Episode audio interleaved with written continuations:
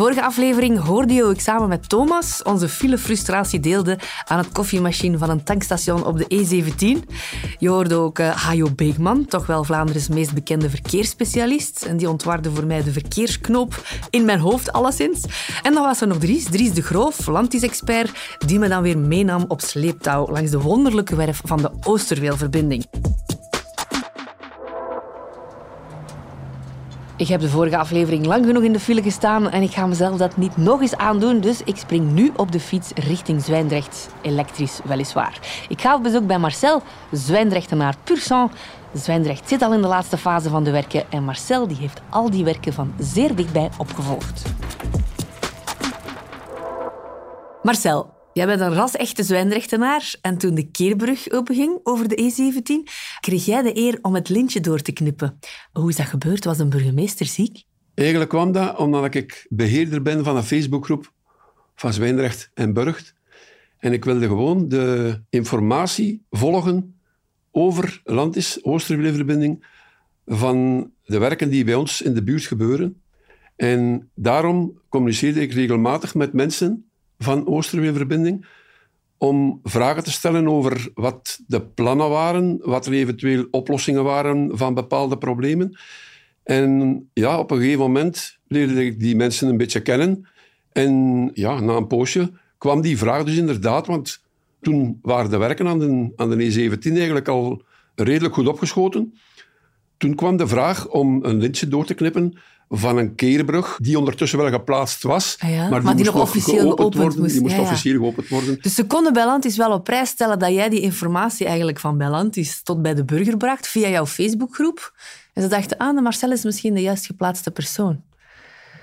Wel, eh, zo heb ik natuurlijk ook eh, veel mensen leren kennen. Eh. Was dat leuk, dat moment van dat lintje doorknippen? Ja, zeker wel. Ik was daar trots op. Ja, als gewone burger krijg je in je leven niet veel kans om veel lintjes door te knippen. Dus, dus eigenlijk als een zwijndrechtenaar een vraag heeft over iets, kunnen ze eigenlijk het antwoord vaak vinden op jouw Facebookgroep? Ja, daar komt het eigenlijk op neer. Ik zal altijd mijn uiterste best doen om daar op een serieuze vraag ook een serieus antwoord te geven. Ja.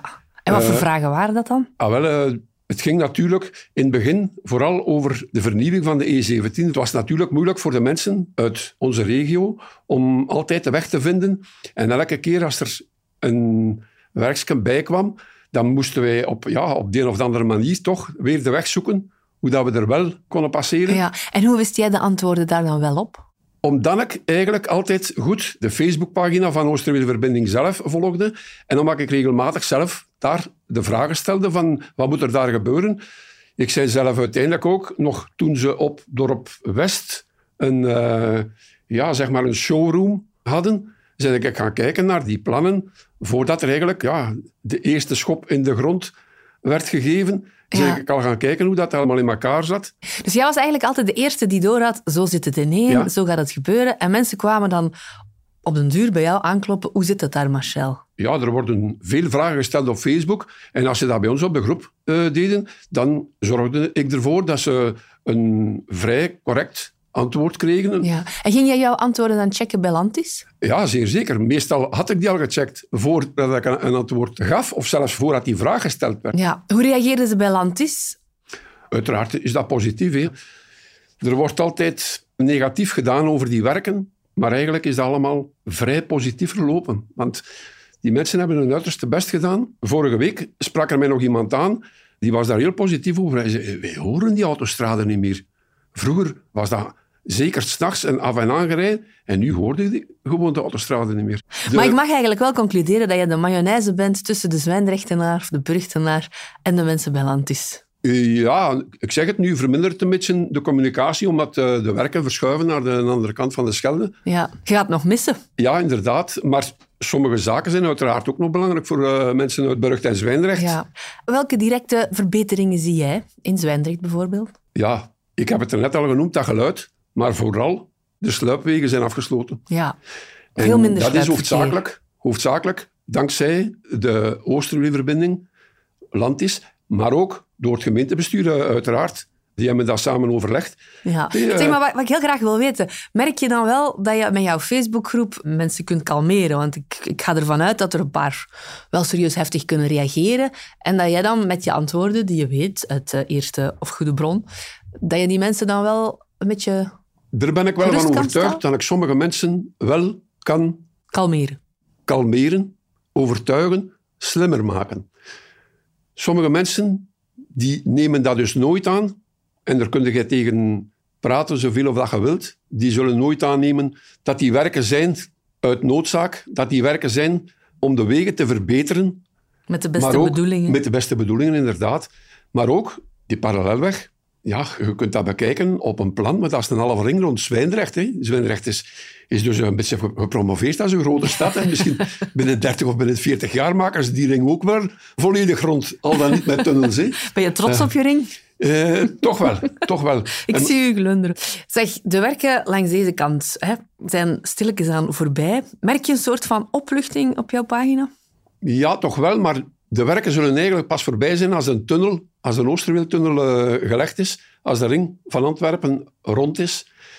Nu is er inderdaad wel zicht op de werken op Linkeroever. Marcel, vind jij dat Zwijndrecht ondertussen wel echt een pareltje geworden is? Eh, ik ben tevreden over de verbinding. Eh, Zwijndrecht is enorm gunstig gelegen om eender waar naartoe te rijden, zowel naar de kust als naar Brussel, als naar Gent, naar Hasselt.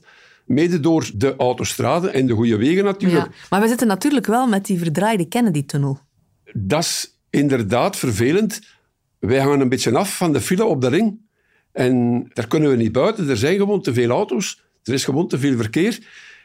En ik hoop natuurlijk dat dat veel zal verbeteren binnen zes jaar. Als de nieuwe tunnel zal opengaan naar Antwerpen-Noord, dan hoop ik van er nog, nog eens door te rijden. Al dan niet gratis. We zullen dat wel zien. eh, dat we moeten betalen dan.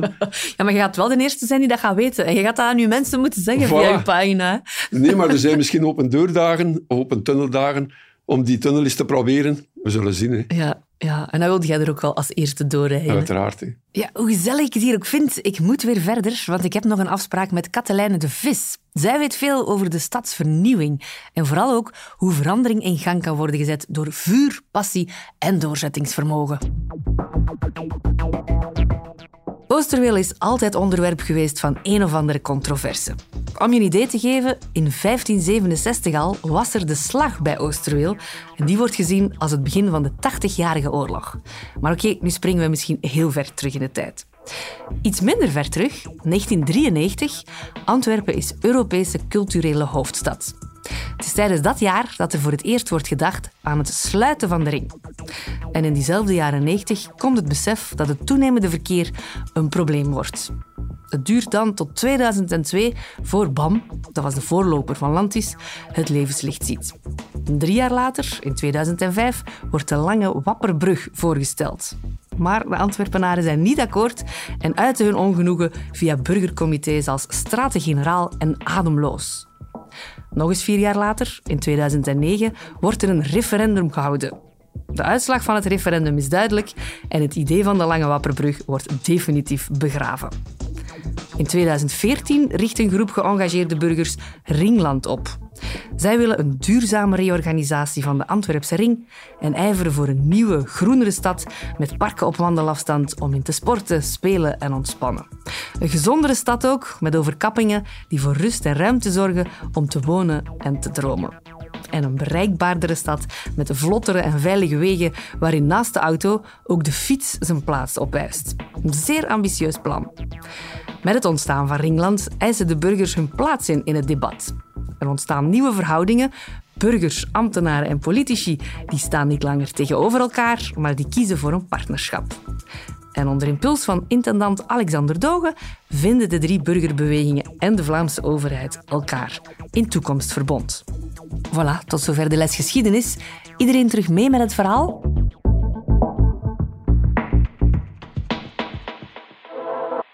Dag Katelijne, blij van jou te zien. Jij bent vrijwilliger bij Ringland. Eh, wil ik eerst even weten, Ringland, wat is dat precies? Ringland is een burgerbeweging.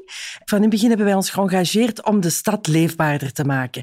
En dat houdt eigenlijk drie pijlers in. Enerzijds willen wij een volledige overkapping van de Antwerpse ring. Anderzijds willen wij een modal shift, waarbij dat er een shift gemaakt wordt van autoverkeer naar meer duurzaam verkeer. En ten derde willen wij dat eigenlijk met zoveel mogelijk burgerparticipatie. Dat dus alle plannen echt van beneden af, van bottom-up, in het beleid Ja. eh, vloeien. Dus jullie denken mee na. En wat doe je exact? Enerzijds ben ik betrokken bij Straatvinken, dus dat burgerwetenschapsproject. En uh, anderzijds ben ik uh, burgerantenne voor het ontwerp van het ringpark Schijn. Dus dat is het ringpark. Dus die ringparken, die overkapping in de RE Noord, die zijn verdeeld in verschillende segmenten. En een van de segmenten is het ringpark Schijn. Dus dat loopt ongeveer van het Rivierenhof tot aan het Sportpaleis. En daar heb ik eigenlijk mee die werkbanken gevolgd, daarbij dan de ontwerpers een ontwerp kwamen zien. En dan mocht je als buurtbewoner of als uh, lid van Ringland daar commentaar op geven. Ja, en ben je dan streng als je zo commentaar geeft? Oh, eigenlijk niet. Ik vond dat echt ongelooflijk. Ik was er echt heel blij mee. Echt... Hoe het er al lag, bedoel je? Ja, aangenaam verrast. Die know-how die wij in Vlaanderen hebben. Die mensen die dat kwamen voorstellen, die landschapsarchitecten, hydrologen, alle stakeholders waren ook aanwezig. Bijvoorbeeld Natuurpunt, het Schijnverbond, Aquafin, Infrabel, de stad Antwerpen. Dus ja. daar zijn een hele hoop mensen mee aan tafel. En ik vond dat toch fantastisch, die positiviteit. Hoe dat er naar elkaar geluisterd werd. Hoe dat de dingen meegenomen werden, dat er over nagedacht werd. En dat allemaal binnen zo ja, een enorme vakkennis van die ontwerpers. En ik, ja, ik ben er echt heel vrolijk van geworden. Ja, je zit hier te stralen en te lachen, dus ik geloof het. Ik geloof het. Uh, voor de mensen die niet in die buurt wonen, hoe moeten wij dat park, schijnpark eigenlijk ons voorstellen? Want je hebt het over Natuurpunt die zich moeit, hydrologen. Dus de schijn die wordt terug boven gronds gelegd. Dat is daar nu al grotendeels, maar die wordt ook meanderend gemaakt. Zodat je vertakkingen en eilandjes hebt en dat je in geval van nood kan dat dienen als overstromingsgebied. Ja, dus schijn gaat echt over een watertje dat Antwerpen eigenlijk kruist. Maar ik denk dat heel weinig mensen weten dat schijn eigenlijk een nu meanderend riviertje Nog niet, hè? Toch momenteel nog niet. Dus momenteel is dat eigenlijk een rechtlopende rivier en men wil dat eigenlijk meanderend maken, omdat dat dan ook bijdraagt tot de biodiversiteit. Omdat je eigenlijk door dat park Schijn ga je het Rivierenhof samen met het park Loobroektok verbinden tot één grote natuurlijke corridor, waardoor dat ook dieren veel meer ruimte hebben om zich te verplaatsen, zoals egeltjes of, of andere doelsoorten. Dus enerzijds heb je daar waterbuffer, anderzijds wil dat door dat ontwerp ook bijdragen tot een verhoogde biodiversiteit in die buurt. Ja, en dat wordt dus allemaal besproken op dat soort raden, uh, ja. zal ik maar zeggen. Ja, werkbanken. Ja. Ja, ja, ja. En ik onthoud vooral dat jij heel positief bent over hoe het er daaraan toe gaat. Is er ooit punt van discussie? Goh, ik weet heel in het begin, maar dat is al twee jaar geleden, hadden de ontwerpers voorzichtig het idee geopperd om horeca ook in Ringpark Schijn uh, te brengen. Maar dat hebben we dan als buurtbewoners toch direct gezegd. Er is al heel veel horeca hè, in Borgerhout, de Turnhoutse baan. Er is al heel wat horeca rond het Sportpaleis. Je gaat dan met die mensen concurreren. Het neemt de rust weg uit het park, want wij vonden als buurtbewoner, en eigenlijk vind ik ook als Ringlander, dat er vooral in die buurt open ruimte en rust moet zijn. En want er wonen in Borgerhout, Deurne, heel veel mensen toch in grote gezinnen zonder tuin of maar een klein terras. Dus dat vonden wij belangrijk. En wij vonden daar horeca, ja, qua drukte, dat dat niet hetgeen was dat we wilden in dat park. En dat is dan eigenlijk ook gewoon direct afgevoerd, dat idee. Ja. Dus ik vond... Jullie waren vrij unaniem daarover. Ja, daar waren we unaniem over. En dan vond ik ook dat de ontwerpers dat onmiddellijk aanvaarden en dan weer verder zochten naar nieuwe insteken. Maar ik zie wel effectief uh, speelruimtes en dergelijke. Skatepark, klimuur. Ja, dan pakt je gewoon je eigen picknick mee met een drankje en een, uh, ah, wel, ja, dat denk ik inderdaad dat dat de bedoeling is. Goh, heel veel jonge mensen wonen ook in Deurne en Borgerhout. En zo klimmuur, skatepark, die stadsinfrastructuur, die sportinfrastructuur van de stad. Ik vind dat wel enorm belangrijk, want je ziet dat nu al aan het park, aan het Rivierenhof, dus het verlengde daarvan. Hè. Daar hebben ze ook die sportvelden gemaakt en die sportoase is er gekomen. Ik ben er altijd zo aangenaam van verrast hoe vol dat, dat daar is, met allerlei soorten mensen. En hoe dat dat mensen verbindt, ook die sport. Die voetbal of die honkbal of alles dat daar gedaan wordt. Ik vind dat fantastisch. Sport verbindt, inderdaad. Ik ben ook heel blij te horen dat Ringland verbindt. Want in het begin kreeg je als buitenstaander wel eens berichten dat er veel discussies op dat soort avonden was. Maar jij merkt nu dat de neuzen wel allemaal in dezelfde richting staan. Of vooral. Ja, eigenlijk wel. Eigenlijk heeft iedereen toch wel zo wat dezelfde bedoelingen. En merk ik toch ook dat bij heel veel mensen toch van allerlei politieke partijen dat dat belang van natuur en klimaat in een stedelijke context, dat dat toch onvermijdelijk is. Er zijn wel pittige discussies. Maar het is zo dat in de stuurgroep, in het kernteam, als vrijwilliger, je kan altijd alles zeggen en er kan over alles gepraat worden. En dat heb ik wel toch heel erg geleerd van Peter Vermeulen. Die is een positiviteit en die is een idee van we moeten blijven praten. En we moeten, allee, we gaan niet beginnen met op sociale media schieten op mensen. Nee, we gaan samenkomen fysiek en we gaan kijken hoe ver dat we geraken. Ook als je het niet altijd eens bent. Ook als we het niet eens zijn. Ja, bijvoorbeeld, ja, er is nog een, een vrij grote sleuf omwille van de ADRA-transport in de buurt van het Sportpaleis. Nu, voor een stuk is dat al iets verbeterd omdat ze een halve overkapping daar nu gaan realiseren. Goh, als burgerbeweging hadden wij liever een volledige overkapping gehad. Maar ah, ik versta dat wel. Hè. Je moet compromissen sluiten. Ja. De haven, daar werken zoveel mensen. Dat is eh, economisch hart van Vlaanderen. Ja, je moet daar natuurlijk rekening mee houden. Hè. Ja. Dat spreekt vanzelf. En wie is Peter Vermeulen? Eh, Peter Vermeulen is de bezieler van Ringland. Dus we mogen concluderen dat jij heel blij bent met alle veranderingen? Ja, ik wel. Je moet maar eens gaan kijken op de website van Landis ook bijvoorbeeld naar de ontwerpen. Ik vind het echt fantastisch. Het gaat een grote meerwaarde zijn voor Antwerpen, waar dat volgens mij wel heel veel steden in Vlaanderen eh, jaloers op gaan zijn. Is er nu een bepaald deel van de werken waar dat jij persoonlijk het meest naar uitkijkt? Ja, het Loopbroekdok, die sanering. En dat wordt een, voor een deel een openluchtzwembad. Dat lijkt me echt heel tof dat ik zo vlak bij huis in open lucht ga kunnen gaan zwemmen. Ja, maar dat is nog toekomst. Wat betreft de dingen die je al concreet hebt zien veranderen, wat is dat? Bij het ontwerp van het schijnpark wordt er wel nagedacht van is er al een speeltuintje dat we al kunnen vrijwaren tijdens de werken en zo. Ja. Ze doen echt hun best, maar het blijft natuurlijk een zure appel waar dat je door moet. Het is nu wel, als je nu hè, langs de ring rijdt, het is geen prettig zicht en we gaan daar door moeten. Maar wat ik wel ook heel tof vind, als ik dat vergelijk met de jaren 80, 90, als er ergens werken waren, was er alleen omleiding voor de auto's. En de fietsers en de voetgangers, die moesten maar hun plan trekken. En nu zie je wel dat bij die werken toch elke keer hè, bordjes, fietsers langs hier en daar kan je veilig oversteken enzovoort. Ik zeg niet dat alles perfect is, maar er wordt toch nagedacht over de zwakke weggebruiker Ja. bij dat soort van infrastructuurwerken. Nu en dat, al. Nu al. En dat was twintig jaar geleden toch niet het geval. Nee. Dus uw zure appel is geen Granny Smith, maar eerder een Pink Lady. Ah, ja. we, maken, het iets minder zuur. Ehm, misschien nog, nog een persoonlijk vraagje. Waarom ben jij vrijwilliger geworden bij Ringland? Goh, omdat ik, ik heb altijd gefietst vanaf dat ik in Antwerpen op kot ben gekomen in de jaren 90. En ik vond dat toen toch nog wel heel gevaarlijk. Zo, met moordstrookjes en, en automobilisten die weinig rekening hielden. En ik vond dat zo'n vernieuwend, verfrissend idee. En ik vond dat ook wel heel fijn, die know-how bij Ringland. Ik heb in al die jaren dat ik daar vrijwilliger geweest ben, echt heel veel geleerd. En dat vind ik wel tof, dat je zo je vrijwilligerswerk kunt combineren met, met bijleren eigenlijk. Ja, over bijleren gesproken. Je had het er straks over de modal shift. Ik wil ook iets bijleren. Wat verstaan we daaronder? Dus de modal split is wat eigenlijk de huidige verhouding is tussen duurzaam verkeer, tussen voetgangers, fietsers, openbaar vervoer en auto's. En die is momenteel, denk ik, 30-70 of 40-60. En waar wij eigenlijk voor is een shift naar een verhouding van 50-50. Dus 50% duurzaam verkeer en 50% gemotoriseerd verkeer. Ja, en dat is haalbaar. Ja, ik denk dat wel. Ik denk dat wel. Ik vind dat er eigenlijk al heel veel gebeurd is in Antwerpen. Ik vind dat Antwerpen een heel veilige stad geworden is om te fietsen. De laatste tien jaar is het toch enorm goed vooruit gegaan. En ik zie ook altijd maar meer en meer mensen fietsen. En de komst van de elektrische fiets, de speed pedelec, heeft er toch ook toe bijgedragen dat er altijd maar meer mensen hun boodschappen, het werk of zaken doen met de fiets. Ja, dus ik leid af. Ons Katelijne blijft nog even wonen waar ze woont. Ja, ik blijf zeker eh, nog wonen waar ik woon. Oké, Ja. dankjewel. Voor Landis was de boodschap duidelijk. De Oosterweelverbinding ging niet enkel over minder file en vlotter verkeer. Nee, ook de omgeving terug een stuk leefbaarder maken staat op de agenda. En daarvoor hebben ze bij Landis omgevingsmanagers. En een van hen mag ik vandaag eens aan de tand voelen, want wat doen ze nu echt precies en wat is er al gebeurd? Jonas, omgevingsmanager, dat klinkt heel indrukwekkend, maar wat doet een omgevingsmanager exact bij Landis? Wij hebben eigenlijk voor de verschillende projectgebieden die er zijn binnen Oosterweel telkens een omgevingsmanager aangesteld. En die omgevingsmanager dat is eigenlijk een beetje de in-between tussen de werf en de omgeving. Dus eh, wij zorgen eigenlijk dat de omgeving mee is in het verhaal, dat de wensen en de verwachtingen van de omgeving ook vertaald worden naar het projectteam, om er zo te voor te zorgen dat wij eigenlijk een gedragen project kunnen maken die ondersteunt gesteund wordt door Ah, onze ja. omgeving. Ja, er zijn verschillende omgevingsmanagers. Het is een heel groot project. Jij bent die specifiek voor Linkeroever-Zwijndrecht. Ja. En nu wordt het interessant, want ik woon in deze coté. Wat is er daar precies allemaal gebeurd?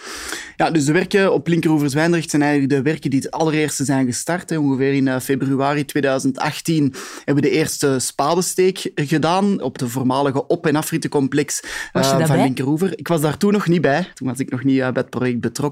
En dan in 2019 zijn de werken echt volop van start gegaan, waarbij dat we eerst heel wat tijdelijke wegen hebben aangelegd om het verkeer te gaan omleiden. Want op een traject zoals de ring rond Antwerpen kun je niet zomaar zeggen vandaag sluiten we de straat af, we werken daar vijf jaar aan en dan kunnen de mensen terug door. Dus we moeten eigenlijk die continuïteit gaan garanderen voor de wagens ook, dus dat die kunnen blijven de stad Antwerpen en omgeving bereiken. Waardoor dat er heel veel tijdelijke Ja. zijbaantjes en Ja, zo tijdelijke kwamen. constructies zijn gemaakt. Nu komen we meer en meer in een afwerkingsfase. En dat we kunnen eigenlijk beginnen met die tijdelijke wegen te gaan afbreken. En dat we eigenlijk in de volgende fase van het project terechtkomen, waar dat we de geluidsbermen kunnen aanleggen. Daarop komen dan fietspaden, die krijgen groeninvulling. Dus dan gaan we echt naar het finale beeld zoals het ontworpen is. Ja, geluidsbermen is iets anders dan de geluidsschermen. Ja, enerzijds zijn er op sommige locaties zijn er geluidsschermen geplaatst, op andere geluidsbermen. Op de locatie eigenlijk wat er plaats was, hebben we gekozen voor geluidsbermen, omdat die dan ook een wat invulling kunnen krijgen. Dus waar dat er ook beleving kan ontstaan voor de mensen, recreatie, Ah ja, want eh, hoe zien die wandelpaden. eruit?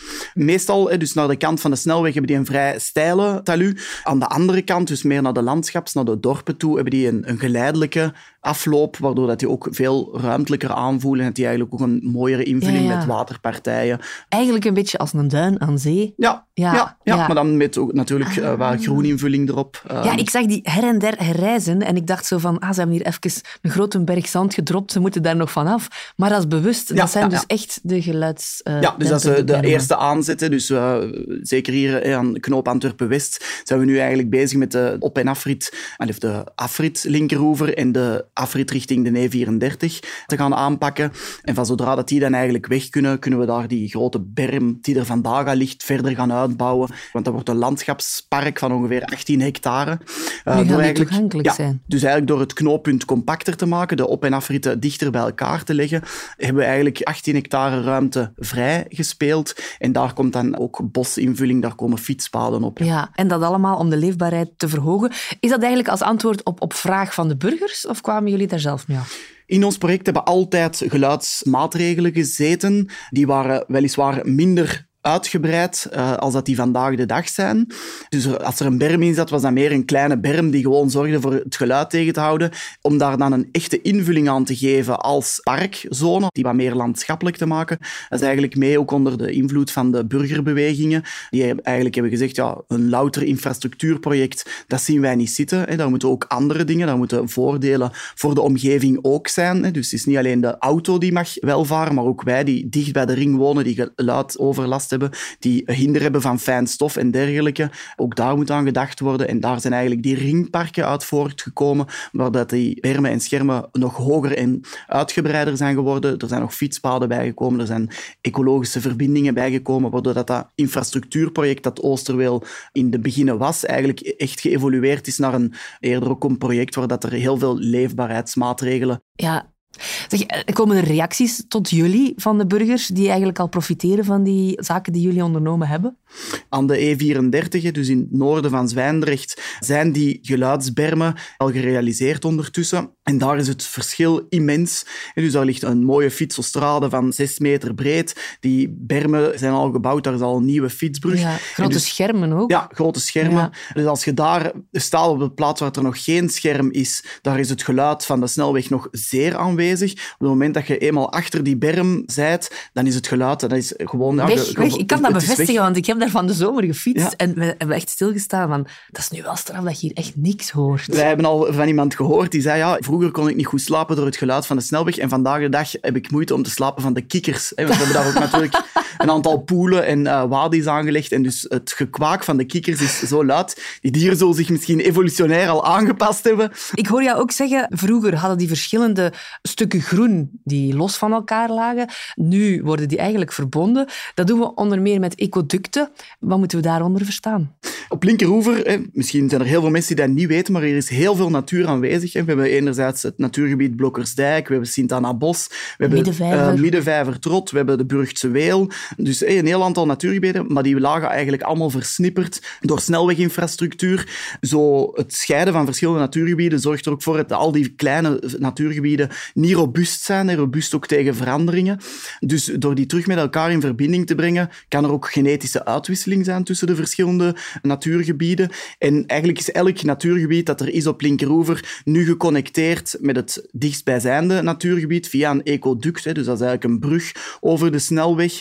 Over de E34 bijvoorbeeld hebben we eentje gemaakt, die is uh, eh, 20 meter breed. Dus waar ook um, vosjes en, en, vosjes en reetjes. En, reetjes en, en misschien een Waaslandwolf die ja, ooit ja. Uh, tot in het Waasland geraakte, maar niet tot in Antwerpen. Maar dat is niet voor de mensen. Nee. Wij mogen daar niet komen. Nee, hè? dus die, gaan, uh, die worden eigenlijk ontoegankelijk gemaakt voor de mensen. We zorgen naast die ecoducten ook dat er fietsersbruggen, wandelaarsbruggen zijn, om de mensen ook dat natuurgebied, dat in totaal ongeveer 400 hectare groot zal zijn, met elkaar te gaan verbinden en die daar ook van te kunnen laten genieten, met de nodige stiltezones voor de natuur, maar de nodige recreatie ook voor de mensen. Wat dat heel uniek is, hè? zo dicht bij een grote stad als Antwerpen, een natuurgebied van 400 hectare. Dus dat gaat echt wel een mooi resultaat ja, geven. Klinkt mooi, maar jullie komen al van ver. Er is veel dialoog nodig geweest ja. tussen de burger en jullie. Klopt. Heb jij daar iets van meegekregen? Wat we heel vaak merken is, mensen zijn fout geïnformeerd. Hè? Dus uh, heel veel mensen weten vaak niet goed waarover het gaat. Dus daarom steken we ook heel veel tijd om proberen naar de mensen te komen en aan de mensen duidelijk te maken waarom dat de werken die wij doen echt ook een noodzaak zijn. Ja. Een stad zoals Antwerpen, de haven van Antwerpen, dat is al sinds oudsher een continue evolutie. Dat trekt heel veel activiteit aan. De haven van Antwerpen is de motor van onze economie in Vlaanderen. Superbelangrijk. Dus willen wij dat dat behouden blijft en dat wij ook de huidige welvaart kunnen behouden, dan moeten we daar ook op investeren om dat mogelijk te maken. En uiteraard gaat dat dan hand in hand met de wensen van de omgevingen. Die mensen wonen hier. Dus moeten daar ook iets mee over te zeggen hebben. Ja. Maar we gaan eigenlijk echt heel veel tijd steken in het trachten de mensen juist te informeren. Want vroeger was er veel protest, maar daar merk je echt ook wel een, een Daar merken we zeker een verschil in. Uiteraard, de luidste roepers blijven tot bij u komen. Hè. Dat is overal zo. Maar ja, die Um, zijn ook wel nodig, hè, want die houden jullie Tuurlijk, ook wakker. die houden ons ook hè. scherp. En ik ga heel graag met heel veel mensen in discussie over waarom dat nu iets wel of niet wordt gekozen of niet. Ja, kunnen Ja. alleen maar door de mensen te informeren. Ze wijzen op de voordelen. En voor um, Zwijndrecht Linkeroever zitten we in de laatste fase. Als het zelfs af is, wat ga jij dan doen? Ik ben ondertussen ook al uh, actief als omgevingsmanager op Scheldetunnel, dus ook daar um, zet ik mij verder mee in. Want dat is eigenlijk echt het sluitstuk, hè. dat is het, het, grote ontbrekende stuk. Met de werken die we op Linkeroever Zwijndrecht hebben uitgevoerd, hebben we niet het mobiliteitsprobleem in Antwerpen opgelost. Hè. Soms zit dat wel in de hoofden van mensen van ja, het is nog altijd niet beter. Wat hebben wij vooral gedaan op Linkeroever Zwijndrecht? We hebben het veiliger gemaakt. We hebben gezorgd dat linkse inritten, die eigenlijk gevaarlijk zijn, hebben we naar rechts verlegd. Veiligere verkeerssituaties zorgen voor minder ongevallen. Minder ongevallen zorgen voor minder files. Dus daar hebben we al geprobeerd om een eerste oplossing te bieden. Maar vandaag de dag blijft de Kennedy-tunnel een bottleneck. Daar moeten, als je de E17 bekijkt, drie rijstroken, E34, twee rijstroken. Oprit Linkeroever komt daar ook nog bij. Dus dat zijn eigenlijk zes rijstroken die je moet reduceren tot drie. Dus uiteraard zorgt dat voor file. En het is pas wanneer het die, dat sluitstuk aan het noorden er zal zijn, dat we dat verkeersvolume dat er vandaag is, kunnen gaan splitsen over de twee tunnels. Als er op het zuiden van de ring een accident gebeurd is, dan gaan we eigenlijk via een dynamische sturing het verkeer naar de noordelijke ontsluiting gaan leiden. En zo gaan we vermijden dat het verkeer rond Antwerpen, zoals zeer vaak, helemaal vaststaat. Ja, dus je hebt je werk nog wel even. Zeker Je gaat de weten. komende jaren nog een boterham verdienen. is goed. Dankjewel, Jonas. Met plezier. Het enthousiasme van Marcel, Katlijne en Jonas is werkelijk aanstekelijk en ze hebben het Oosterweel-verhaal terug een stukje ontward voor mij.